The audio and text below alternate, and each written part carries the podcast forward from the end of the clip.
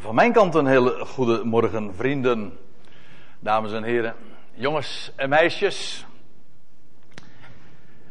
En nadat mijn broer al wat geboomd heeft over de tuin en over alles dat spreekt en getuigt van het woord, wil ik die draad gewoon op, verder oppakken en daarover doorgaan. Hoewel ik dat beeld van de tuin dan toch maar los ga laten. Ik wil het vanmorgen hebben met u op, over het thema wat u hier ziet geprojecteerd. Over het woord. Dat wil zeggen het woord van God. Uiteraard. Niet over mensenwoord, maar over zijn woord. Waar alles uit voortgekomen is. En het is nog niet zo heel erg lang geleden. Het was weliswaar vorig jaar. Maar het was de laatste samenkomst van, het, eh, van 2011 dat we Johannes 1 ook hebben gelezen met elkaar. Dat zo majestueus aanvangt met de woorden in de beginnen was het woord. En het woord was naar God toe. Het woord was God. Dit was in de beginnen bij, het, uh, bij God. En dan staat erbij. Alle dingen zijn door het woord geworden. En zonder dat is geen ding geworden dat geworden is. Dat klinkt zo prachtig en indrukwekkend, omdat het namelijk zo'n enorm verheven uh, gedachte uitdrukt, namelijk dat alles wat wij zien, we hebben er zojuist trouwens ook over gezongen, dat alles wat we zien verwijst naar Hem die gesproken heeft. Alle dingen zijn voortgekomen uit het woord. En logischerwijs getuigt dat woord dan ook van hemzelf. Maar aangezien ook alle dingen voortgekomen zijn uit het woord, betekent dat dus dat de schepping, dat daar een sprake van uit, uitgaat, met recht. Het is voortgekomen uit zijn spreken. Het draagt het DNA van zijn spreken. Wel, als we in Johannes 1 dat dan doorlezen, en we gaan door naar het vers 12, 13 en dan komen we uiteindelijk in vers 14 uit. En waarom reageer Ja, vers 14. En daar vinden we dan het woord is vlees geworden. En, dan wordt eraan toegevoegd. En het heeft onder ons gewoond. En wij hebben zijn heerlijkheid aanschouwd. Een heerlijkheid als van een enige geborene van de Vader. Vol van genade en waarheid. Dat wil zeggen, God heeft vanaf het begin gesproken. En uit dat spreken is zoals gezegd de schepping voortgekomen. Maar alles in dat woord en in God spreken, maar ook in de schepping, getuigt van Hem die zou komen. Duizenden jaren later, ik bedoel na de verschijning en na de creatie van Adam en Eva. Na die eerste tuin zal ik maar zeggen. De zoon van God, die enige geborene zoals hier dat genoemd wordt. Want hij is inderdaad diegene die op een unieke wijze verwekt is door God. De zoon van God. Wel, alles in de schriften, alles in God spreken, ook alles in de schepping, maar dat is logisch, want het is uiteindelijk allemaal één, getuigt van hem die zou komen.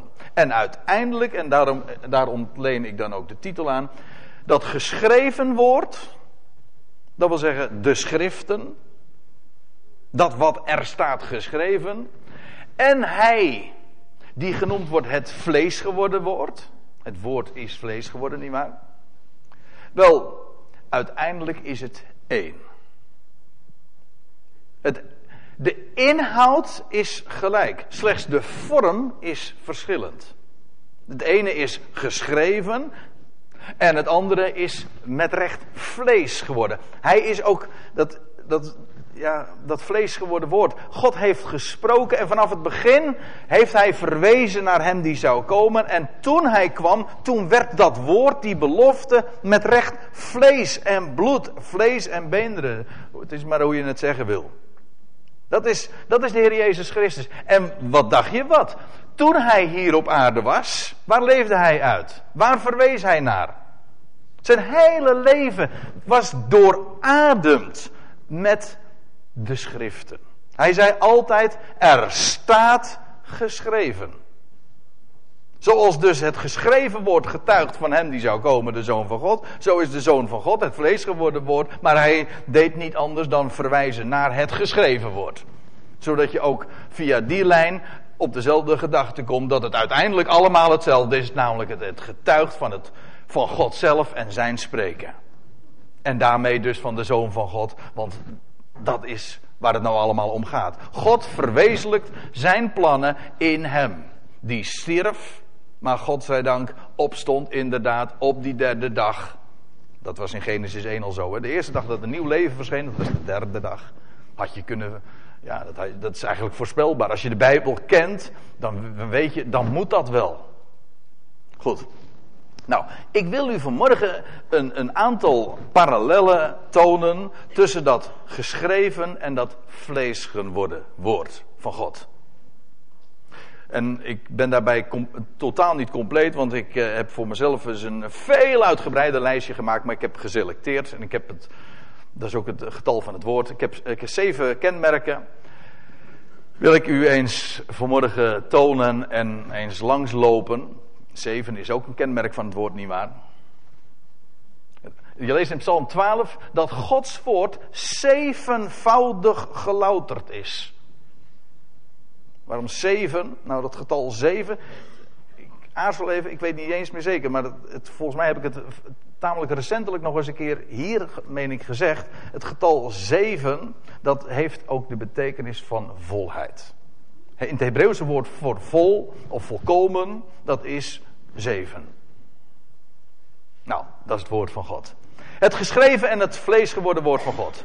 Nou, laten we eerst eens. Uh, laat ik eerst eens vaststellen dat dat vlees geworden woord ook puur menselijk is. Ja, ik ga er iets aan toevoegen, dat begrijpt u ook wel. Maar daar begin ik mee. Het is het, het woord van God, als in zijn geschreven vorm, is door mensen opgetekend. Maar ik begin nu met het eerste, namelijk dat de zoon van God het vlees geworden woord is ook door mensen gerealiseerd. Ik bedoel dit, hij is gewoon geboren uit een vrouw. We lezen in Gelaten 4, ik noem maar één voorbeeld. Maar toen de volheid des tijds gekomen was, over tijden gesproken en over volheid gesproken. God had de, het, de komst van zijn zoon getimed. En toen de tijd vervuld was, ik bedoel ook naar de voorzegging, God had gesproken, ook wanneer het zou zijn, dat de zoon zou komen. U leest dat in Daniel. Honderden jaren van tevoren was al gezegd, niet alleen maar waar de Messias zou optreden, waar hij geboren zou worden, maar ook wanneer hij zou verschijnen. Vandaar ook dat de, in het begin van onze jaartelling, de, in het Joodse volk was zwanger, als ik dat is wel een aardige beeldspraak in deze, was zwanger van messiaanse verwachting. Net als in deze tijd, waarin wij leven. Is ook weer zo'n enorm geladen messiaanse verwachting. Er staat iets op handen. Zelfs in de wereld, ik bedoel ook in de algemene religieuze wereld, maar ook buiten de religieuze wereld. Ik hoef alleen maar het getal 2012 te noemen. En u weet meteen wat ik bedoel. Zwanger van messiaanse verwachting. Dat was toen ook. Het was de volheid destijds. Dat hij kwam, heeft God zijn zoon uitgezonden. Er staat er geboren uit een vrouw. Geboren ook onder de wet. Om hen die onder de wet waren vrij te komen, staat er achteraan. Maar daar gaat het me nou even niet om. Het gaat me er even om. Hij is geboren uit een vrouw. Het is de mens Christus Jezus. Er is één God, zegt Paulus in 1 Timotheus 2, vers 6. Er is één God en ook één middelaar van God en mensen, de mens Christus Jezus. Geboren uit de vrouw. Maar dat is wat gezegd kan worden van het vlees geworden woord, door mensen gerealiseerd. Maar dat is met het geschreven woord niet anders dat woord, en dat is wat iedereen natuurlijk weet, want als je het gewoon aan iemand in de wereld vraagt, die van toeten op blazen weet, maar wel weet van, het bestaan van de Bijbel, die zal in elk geval toch elk moeten erkennen dat, dat, dat die Bijbel geschreven is, opgetekend is door mensen. Dit lijkt me dan ook een open deur intrappen. Niemand, er is niemand bij mij weten die dat ook zou kunnen ontkennen. Het is, een, het is een menselijk boek. Dat wil zeggen, het is geschreven, opgetekend door mensen, door vele auteurs zelfs. Als je het zou gaan optellen, dan kom je aan minimaal 40 auteurs waardoor de Bijbel is tot stand gekomen. Van allerlei soorten, van allerlei pluimage. Ik bedoel, er waren prinsen bij. Ik denk aan iemand die, eh, die is opgegroeid aan het hof van de farao, Mozes, die het boek Genesis heeft samengesteld. En, maar daar waren ook de schaapherders bij, daar, waren, daar was een, eh, nou ja, eh, daar, daar waren, daar was een, een rabbijn. Daar was een arts, Lucas. Nou ja, je kan, je kan het zo gek niet verzinnen. De Bijbel is, is geschreven door vele, vele auteurs. God heeft zich bediend van vele mensen. Geschreven door vele auteurs. Dus met recht door mensen tot stand gekomen. Door mensen tot stand gekomen. Hè? Dat wil zeggen, God heeft gebruik gemaakt van mensen. En nou komen we, komen we natuurlijk op het tweede punt. En dat is veel belangrijker. Want het eerste is eigenlijk een open deur intrappen. Dat de Bijbel is samengesteld en geschreven door mensen. Niemand is er die dat ontkent. Maar nu komen we op een heel essentieel punt. Het is veel meer. Het is namelijk, het is door mensen tot ons gekomen, dat woord. Zowel het vlees geworden als het geschreven wordt. Maar het is in beide gevallen ook uit God. Juist dat maakt het zo bijzonder. Van de heer Jezus Christus lees je in Lucas 1, vers 35 dat tot Maria gezegd wordt: De Heilige Geest, die zal over u komen. En de kracht van de Allerhoogste zal u overschaduwen. En dan staat erachter: Daarom zal ook het Heilige dat uit u dat verwekt wordt. Ja, het Heilige dat verwekt wordt, zoon Gods genoemd worden. Hij is dus met recht mens geboren uit een vrouw, maar op een wonderbaarlijke wijze verwekt. Door God zelf namelijk. Daarom is, heette hij ook met recht zijn vader. En hij heet ook de enige geboren, pardon, de enige geboren zoon van God. Dus hij is unieke, op een unieke wijze verwekt. Zoals geen ander. Door God zelf, de Allerhoogste. Ik weet, dat wordt naar het Rijk der Fabelen verwezen, maar dat maakt me niet uit. Dit is wat de schrift zegt. Hij is door God verwekt en, hij, en God was daarom met recht zijn vader. Maar wat dacht u van de schriften? Met de schriften is het natuurlijk niet anders. De schriften ze mogen dan opgetekend zijn door vele mensen. Maar het is uiteindelijk. Het is uiteindelijk slechts één auteur die zich bediend heeft van zoveel mensen. Daarom heet het ook, en dat is misschien niet zo bekend, maar daarom goed om u daar eens op te wijzen, of wellicht aan te herinneren. Dat weliswaar de Bijbel heet de schriften. Schriften betekent gewoon dat wat geschreven is. Geschrift, geschriften is meervoud. Dat wil zeggen, het, zijn, het is een bibliotheek. Ik zeg altijd, de Bijbel, Biblos, Biblia, betekent gewoon bibliotheek. En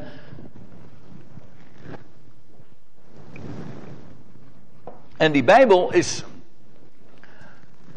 geschreven door vele auteurs, door vele mensen, maar de, het heet niet alleen de schriften, het heet ook de schrift.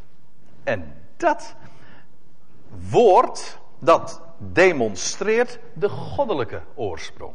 Dat het heet geschriften, dat geeft aan dat het vele auteurs, vele boeken zijn. Maar dat, het dat die vele boeken bij elkaar, die hele bibliotheek, genoemd wordt de schrift, dat wijst op de goddelijke oorsprong, dat er uiteindelijk, dat uiteindelijk één boek is.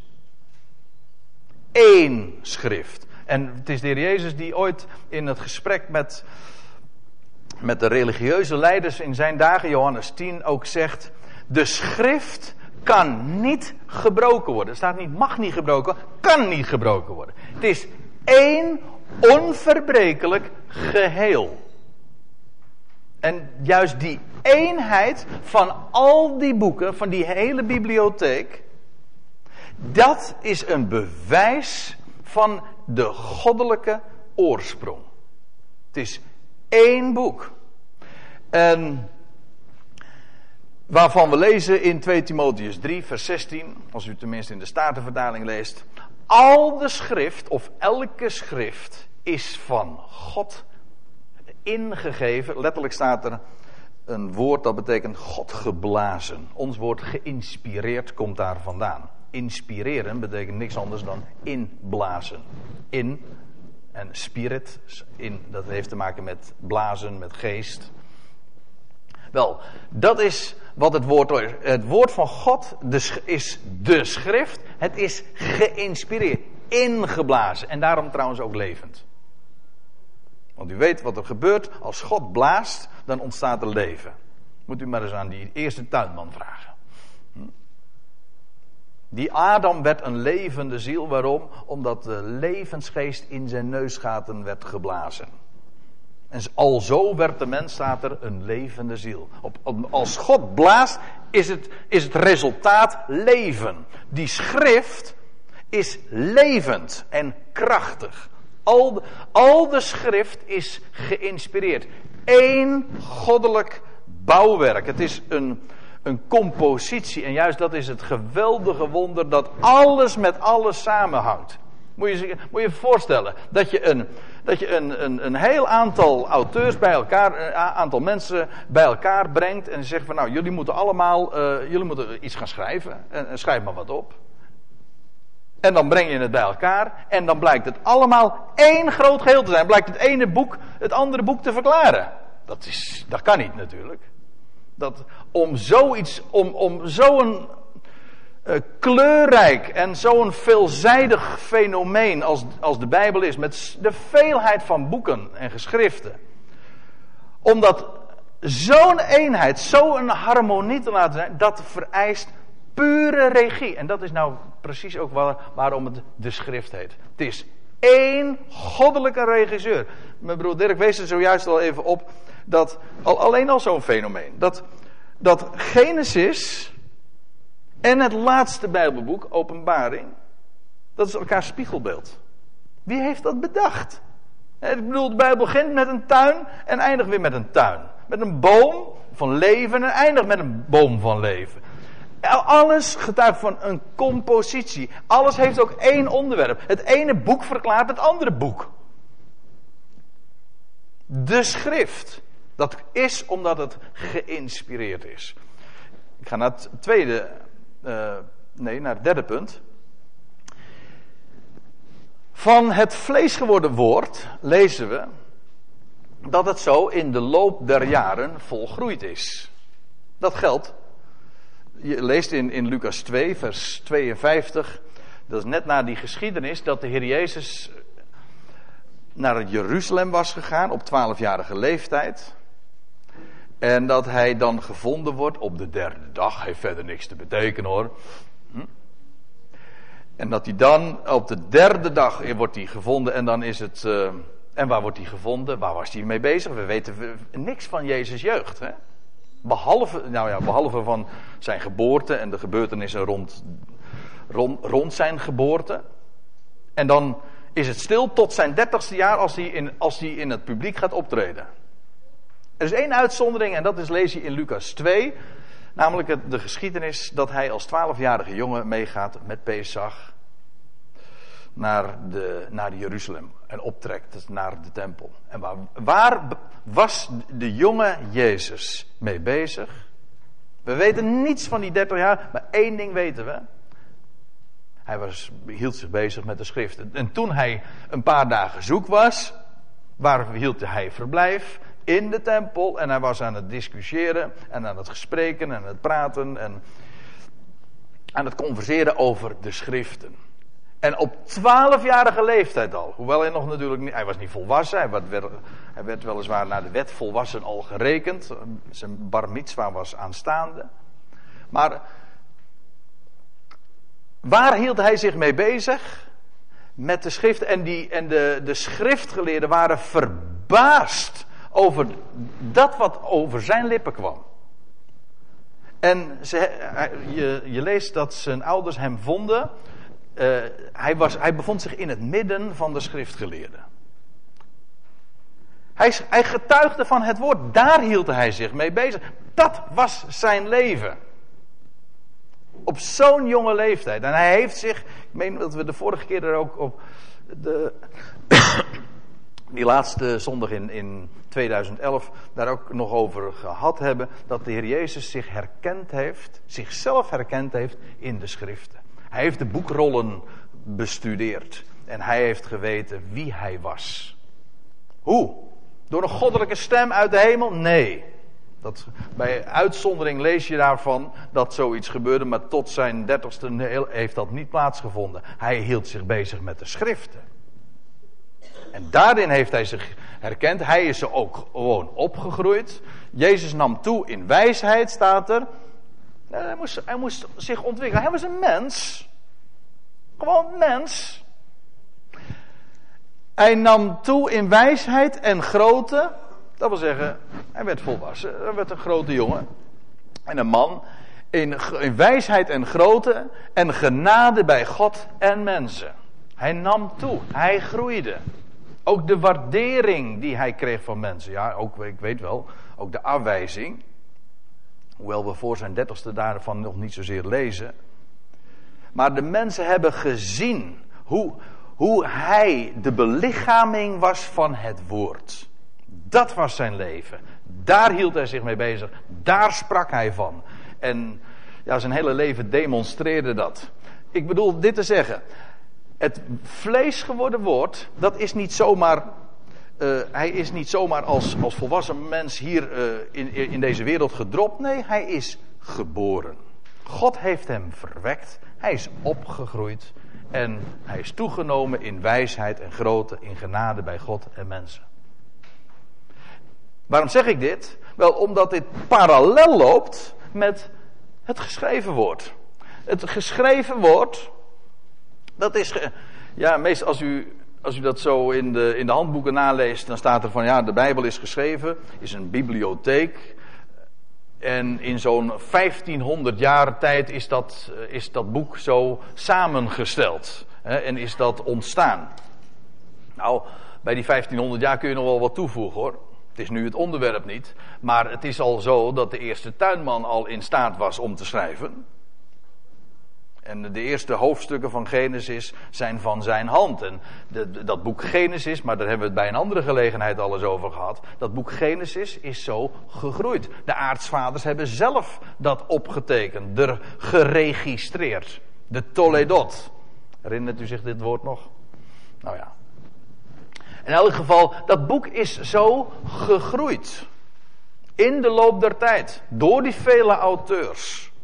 In, alleen het Oude Testament al, het boek Genesis is uh, geschreven, is begonnen bij, bij Adam. En later lees je van Noach die opgetekend, zijn zonen en Abraham en Jacob en Esau. Zij hebben dat opgetekend.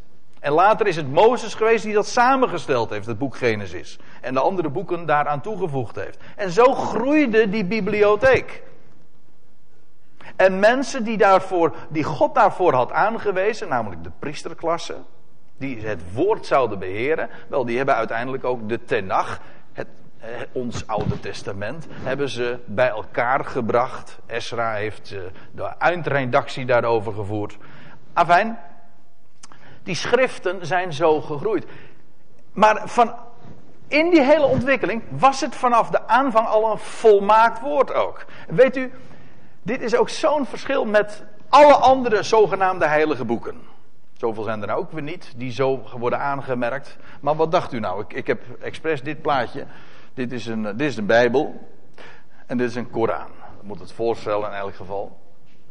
De Koran, daarvan wordt gezegd dat het uit de hemel is komen vallen.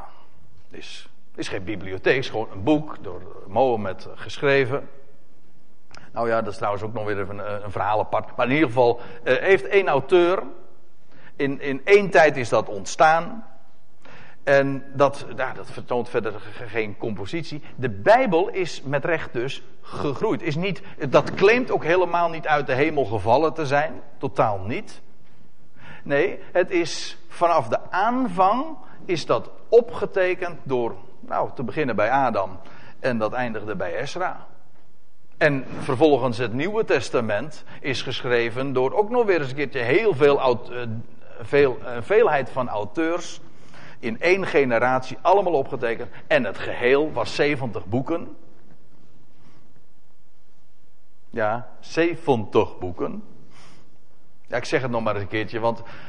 Ga het maar eens na, hè? Als je het naleest in de, in de handboeken, als u kijkt naar, oh, je gaat naar Wikipedia of je gaat naar andere encyclopedieën, altijd staat er, de Bijbel bevat 66 boeken. Nog niet zo lang geleden had ik een boekje in mijn handen van, uh, van, mijn, van mijn jongens, van een godsdienstonderwijs, en daar stond het ook weer, het, staat, het is altijd, iedereen weet het, zelfs christenen zeggen, ja de Bijbel is 66 boeken. Nou, dat is dus niet waar, hè.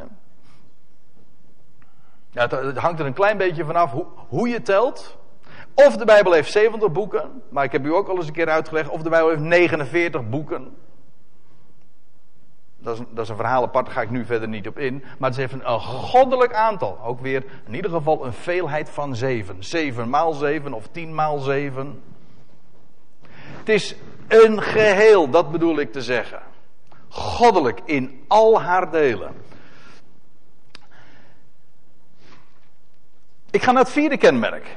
Het vlees geworden woord. Daarvan lezen we dat hij volmaakt is. Ik heb het eigenlijk al aangestipt. Doordat, het een, doordat hij een goddelijke oorsprong heeft. Hij, zijn leven was de schrift. Daarvan heeft hij getuigd. En je leest in Johannes 8 die woorden dat hij, terwijl hij gecritiseerd werd, want dat werd hij.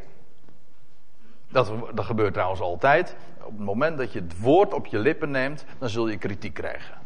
Voor sommigen is dat een aanleiding om het dus maar niet uh, de mond open te doen. Maar de bedoeling juist van het woord is dat het gesproken zou worden. Je hoeft het niet te bewijzen. Nee, het woord hoef je nooit te bewijzen. Waarom niet? Omdat het een levend en krachtig woord van Hem is en dat woord bewijst zichzelf. Het woord is uit uit gehoor. Hè? Ik, ik bedoel dit te zeggen. Het gaat erom dat het gehoord zou worden. Daar dient woord ook voor. Dat het gesproken wordt. En het bewijst zichzelf. Eigen bewijzen is slechts mensenwoord weer. Als je denkt, als je denkt het woord kracht bij te moeten zetten door je eigen, ja, door een mooie vormgeving of door een mooi verhaal of door, door, door interessante bewijzen, dat is allemaal menselijk gedoe. Ik weet, ik weet echt waar ik het over praat, want ik heb het zelf namelijk ook wel gedaan. Ik ben bang dat ik me nog wel eens aan schuldig maak. Dat je meent het, het goddelijk woord nog, nog uh, ja, wat kracht te moeten bijzetten. Maar weet u wat? Het is, het is stomzinnig. Het is, ja, het is net zoiets als dat je een, een keffertje als waakhond bij een leeuw neerzet.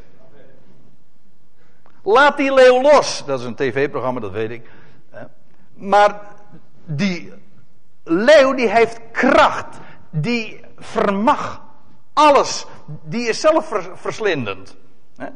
Ja, het, het, woord dat verovert je, het woord van God, dat is, is krachtig. En dat woord dat bewijst zijn kracht in het leven van de mens. Spreek, ja, hoe was het, eh, de reclame ook alweer? Eet het en je weet het. En ook van het woord geldt, spreek het en het zal zijn kracht bewijzen. Ga niet over dat woord praten. Ik wou haar zeggen leuteren, maar dat is echt.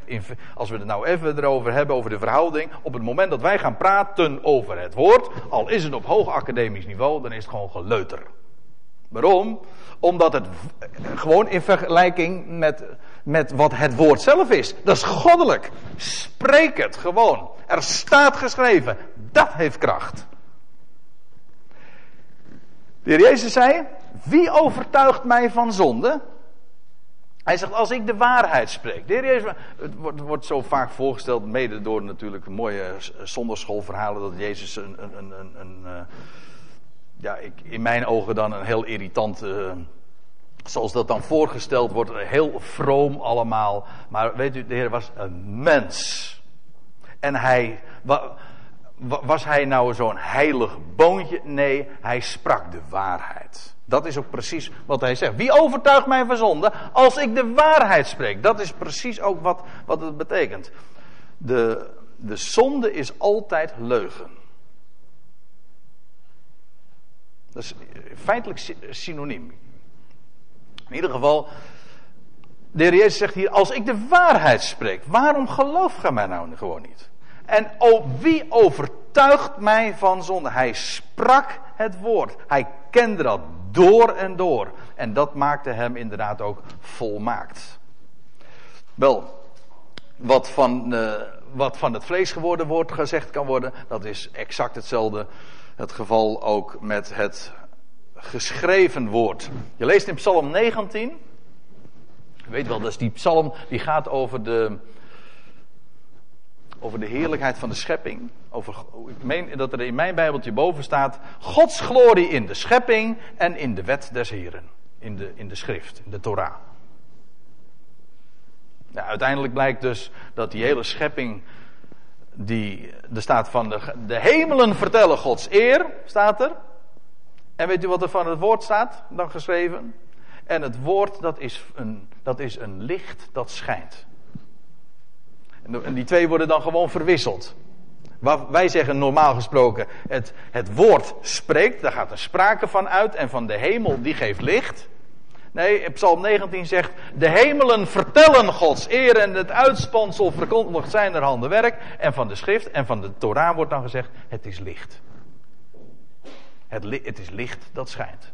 Waarmee je maar weer ziet dat uiteindelijk die schepping en het woord, de schriften, de Torah, de onderwijzing, of hoe je het ook maar zeggen wil, dat is dus feitelijk één. Het is allebei Gods openbaring. Zo laat hij zich kennen. Zo openbaart hij zich. En van die Torah lees je, de wet, nou ja, ik heb het maar doorgekrast, want het is eigenlijk Torah. Of, Torah betekent onderwijzing. Gods onderwijzing, Gods schriften, wel de Torah des Heren is volmaakt. Dat woord wordt elders gebruikt ook in verband met de offerdienst en daar wordt er gesproken over gave dieren. Een dier dat geofferd werd, dat moest een gaaf dier zijn. Gaaf dier zijn. Waarom? Ja, verwijst uiteraard ook weer naar hem die zou komen. Maar goed, tam, uh, dat, dat, dat woord wat hier gebruikt wordt, dat is dus gaaf af, volmaakt. En dan staat er nog bij, zij doet terugkeren de ziel. Zij verkwikt de ziel, nou dat zal waar zijn hoor. Het, je krijgt water, je krijgt voeding. Dat, is, dat woord heb je nodig. Dat woord heb je zo hard nodig. Allemaal hoor. Elke dag weer. Dat is de enige aanmerking die ik bij Dirk er eventjes uh, ja, die ik nu even aan het publiek. Maar hij zegt van dat we er weer even met zo'n woord dat ik vanmorgen mag doorgeven. Uh, weer even tegenaan kunnen. Nou, ik hoop en dat, u, dat dat gewoon dagelijkse kost is. Zoals je elke dag eet, zo heb je ook elke dag dat woord weer nodig. Zodat je dat overdenkt, zodat het zijn kracht in je leven bewijst. Niet zo eens in de zoveel tijd. Nee, gewoon dagelijks. Zodat je dagelijks de vrede en de vreugde en de kracht beleeft. Zonder dat woord ben je niks. En zoals je elke dag eh, eten nodig hebt, elke dag slaap nodig, zo heb je elke dag dat woord van hem nodig. Dat, ik, zeg, ik, zeg, ik maak geen geintje nu hoor. Ja, het is wel gein trouwens. De vreugde. Nee, dit is gewoon zo. En als je een dag dat woord niet gelezen hebt, ja, dan ga je verleppen en dan ga je slap hangen, om zo te zeggen. Dan gaat de vrucht weg. En dan, en, dan gaat, weet je wat er dan voor, dan gaan er allerlei andere ongein, met recht, plaats voor maken. Vrede uh, verdwijnt en het wordt onvrede en chagrijn.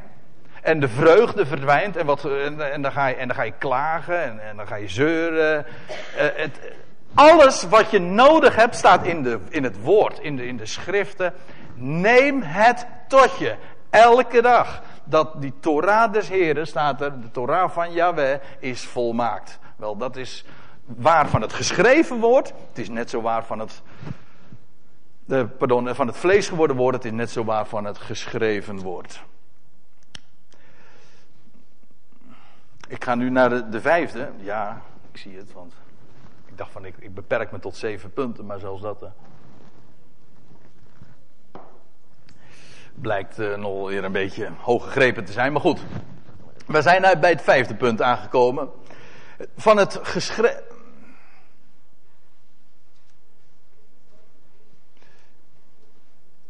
Ja, ik moet eerst even naar deze toe gaan. Van het vlees geworden woord lezen we.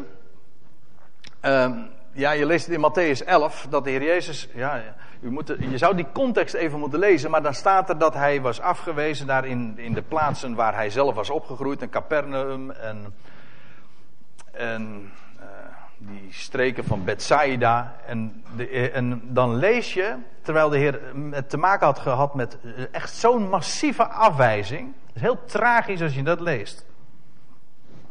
En dan lees je Paul daarop, meteen na die afwijzing, die beschreven is, dan staat er te dien, te tijden, in die tijd dus, hief Jezus aan en hij zei, ik dank u vader. Heer van hemel en aarde, dat u deze dingen voor wijzen en verstandigen, ik zet natuurlijk tussen aanhalingstekens, verborgen hebt. Maar aan kinderkens, kindertjes, dus gewoon kleine kinderen, hebt geopenbaard. Het woord, ik bedoel het vlees geworden woord, hij werd niet begrepen door de eliten van zijn dagen. Ik bedoel de mensen die doorkneed waren in de schriften, die een opleiding, nu zelfs hun titels daaraan hadden ontleend. En de synagogen die wezen hem af. Daar ontmoette hij zoveel tegenstand de theologie in zijn dagen, en dat is nooit anders geweest. De Heer Jezus zegt ook: Jeruzalem, Jeruzalem. Dat is de stad van God, waar, waar, waar de hele eredienst gecentreerd was. Jeruzalem dat de profeten doodt en stenigt wie tot u gezonden zijn. Ja, notabene, de stad van God. Het kerkvolk zal ik maar zeggen. Die het moesten weten. Die er ook prat op gingen dat ze het wisten. En, en de Heer Jezus zegt, Jeruzalem, jullie zijn, een, jullie, jullie zijn een stad, jullie vormen een stad dat niet anders doet dan alleen maar de profeten doden. En als God iemand tot jullie zendt, dan stenigen jullie hem. En hij, heeft, hij gaf de voorbeelden ook. En uiteindelijk werd hij zelf niet lang daarna ook nog een slachtoffer, met recht daarvan. En de Heer Jezus zegt, als hij daar weer eh, mee te maken heeft bij een andere gelegenheid, hij dankt God dat het niet het intellect van de mens is die, in, die maakt dat hij begrepen wordt. Integendeel, dat is een obstakel. Mensen denken dat dat niet zo is, maar het is echt waar. Het is niet zo dat als, ik heb het al vaker gehoord van mensen die zeggen dan van ja, ik ben, eh, ik ben heel erg uh, geïnteresseerd in, uh, in het woord, ik ga, ik ga theologie studeren. Weet je wat? Theologie betekent toch God leren kennen. Het ergste wat je ongeveer kan doen. Ik weet, dat zal ik wel weer te horen krijgen. Hè, want dit. Uh, ja, en meen ik echt. Niet iedereen eh, zal me dat in dank afnemen, maar het maakt me niet uit. Het is, het is zo'n foute keuze. Wat, nou laat ik het zo zeggen, als u dat doet, want ik, ik, wil niet moralistisch erover doen dat u niet geen theologie mag studeren. Ik wil alleen maar dit zeggen. Je leert God er niet door kennen. Integendeel, wat ik gezien heb, is dat het je alleen maar van het woord afhoudt. En als je een theoloog bent en je mag hem niet te min kennen, dan mag je God wel heel erg op je blote knietjes danken hoor. Dat je hem toch niet kwijtgeraakt bent. Want het is dat wat mensen over hem zeggen en vooral het intellect want ja, dan denk je, god, dat maakt toch indruk. Dat is niet de eerste de beste. Die heeft zoveel dokterstitels. Hè? Die zal het toch wel weten. Nou, niet dus. Als je iets zinnigs over hem te vertellen hebt, dan is dat niet vanwege je intellect. Of vanwege je, uh, vanwege je opleiding of vanwege je titels. Dan is dat omdat je het woord naspreekt. En anders niet. Nou, het woord naspreken daar hoef je niet voor gestudeerd te hebben hoor. Daar hoef je alleen maar een kind voor te zijn. Die gewoon napraten. Hè? Dat is, zo leert een kind toch? Zeg je dat is? Nou, en dan gaat het. Uh, doe me eens na. Nou, dat doen kinderen trouwens. Zo, zo leer je trouwens gewoon ook. Hè? Je gewoon nadoen. Zo leer je een taal ook. Ik geef, ik geef tegenwoordig uh, uh, Nederlandse les aan Polen. Dat is wel grappig als je dat dan hoort. Ik, Sommigen zullen dat wat ouderwets vinden, maar het is, we zitten daar gewoon klassikaal dingen op te zeggen. Dan zien ze een tekst en, dan zeggen we dat met elkaar op. En ik, doe het, ik zeg het dan eerst in, in, goed Nederlands. Tenminste, dat probeer ik dan. Hè. En dan mogen, de, mogen, ze het gewoon met z'n allen nazeggen. Het het zal je gedacht zijn hoe goed je zo dingen leert. Echt waar. maar een kind spreekt gewoon na. Maar dat is juist ook de kracht. Kinderen begrijpen het woord ook.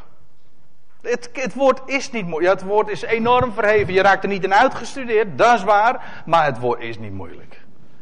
Ook hiervan zeg ik, zeg ik weer: eet het en je weet het.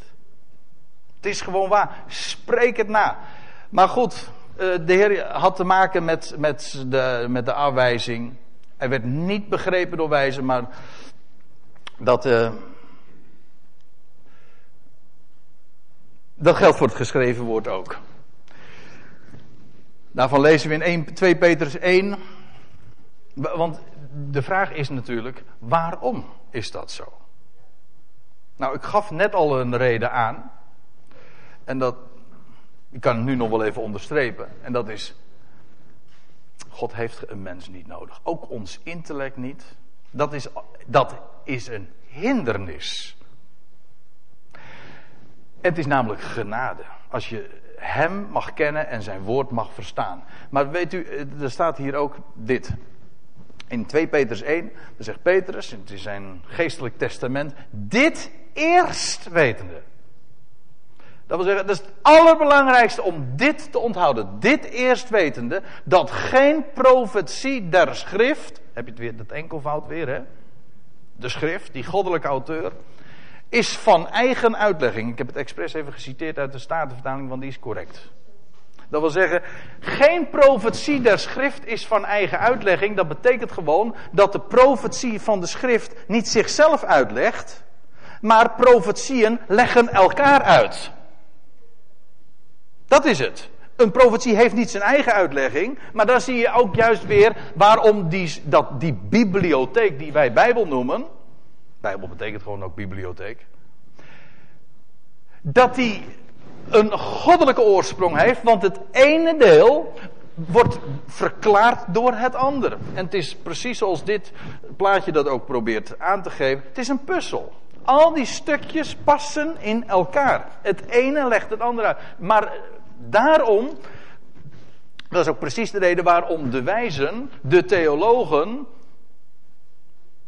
en ik scheer over één kam, moet u me maar even vergeven, doet de Bijbel trouwens ook wel eens een keer. Maar in het algemeen is dat nu eenmaal ook zo. Wordt het woord niet begrepen, weet u waarom? Omdat men het als een menselijk boek benadert. Terwijl de schriften claimen zijn het woord van hem te zijn. Je zult het woord niet begrijpen als je niet gewoon de sleutels die het zelf aanreikt, niet hanteert. Denk je nou werkelijk dat je in die schatkamer binnen kon komen als je niet de sleutel die het woord zelf daarvoor aanreikt, hanteert? Dan blijft het ontoegankelijk. En dat is ook de reden waarom je vreselijk veel van over dat woord kan weten en er heel veel over gelezen en toch er geen ene snars van begrijpt. Omdat je die schrift niet zichzelf laat uitleggen. Dus de ene profetie der schrift legt de andere profetie der schrift uit. En daar heb je geen mensen voor nodig. De Bijbel is een moeilijk boek.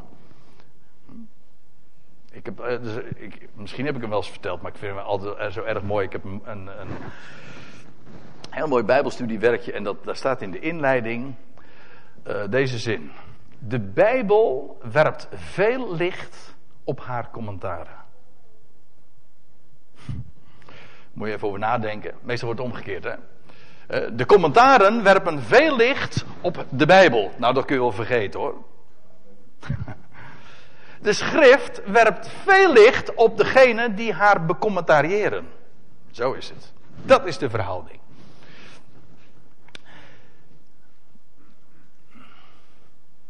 Ja, nou ja, ook over dit punt kan ik, eh, daar, daar kan ik eh, vrij kort over zijn, omdat het eigenlijk min of meer al in de loop van de, de voorgaande punten is, uh, aan de orde is gesteld. Maar van het vlees geworden woord lees je, het is, hem werden woorden in de mond gelegd.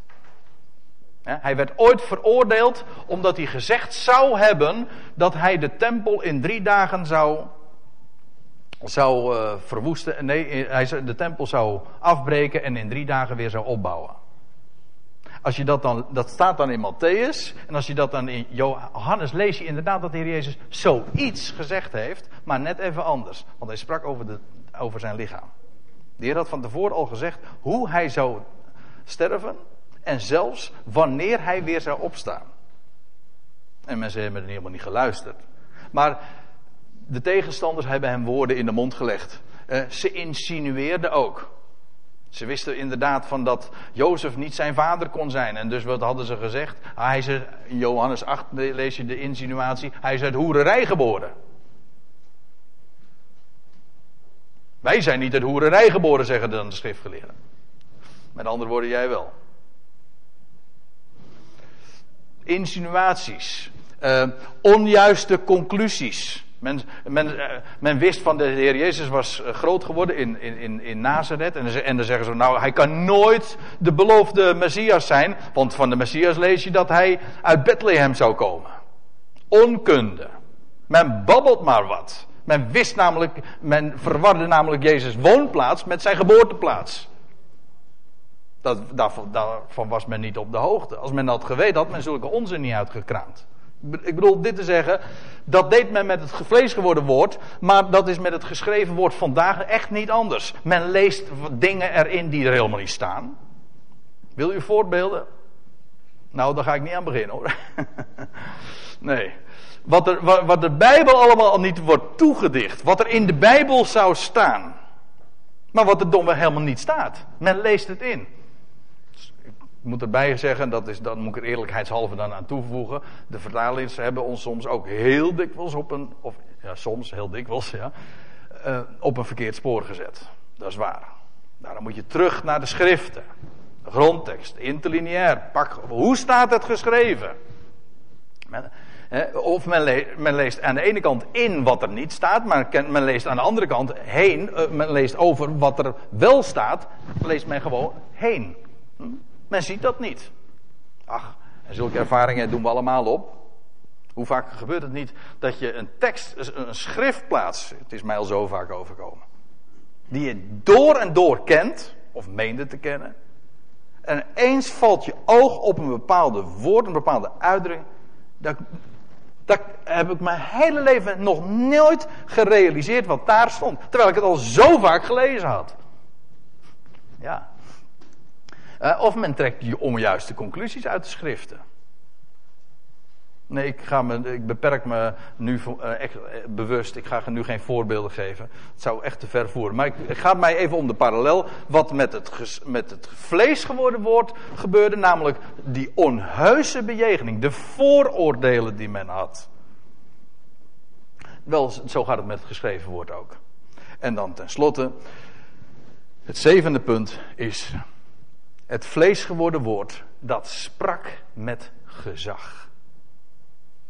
Je leest aan het einde van de bergreden dat de schare onder de indruk is. Hoe staat het? De schare was uh, ontsteld over zijn woorden en dan staat er, want hij leerde hen als gezaghebbende. En staat er niet als hun schriftgeleerde. Dat wil zeggen, hij sprak met gezag, niet autoritair.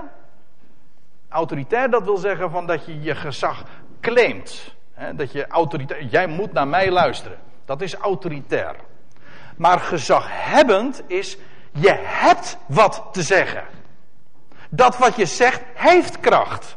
Dat hoeft niet omdat je het claimt, maar gewoon in zichzelf.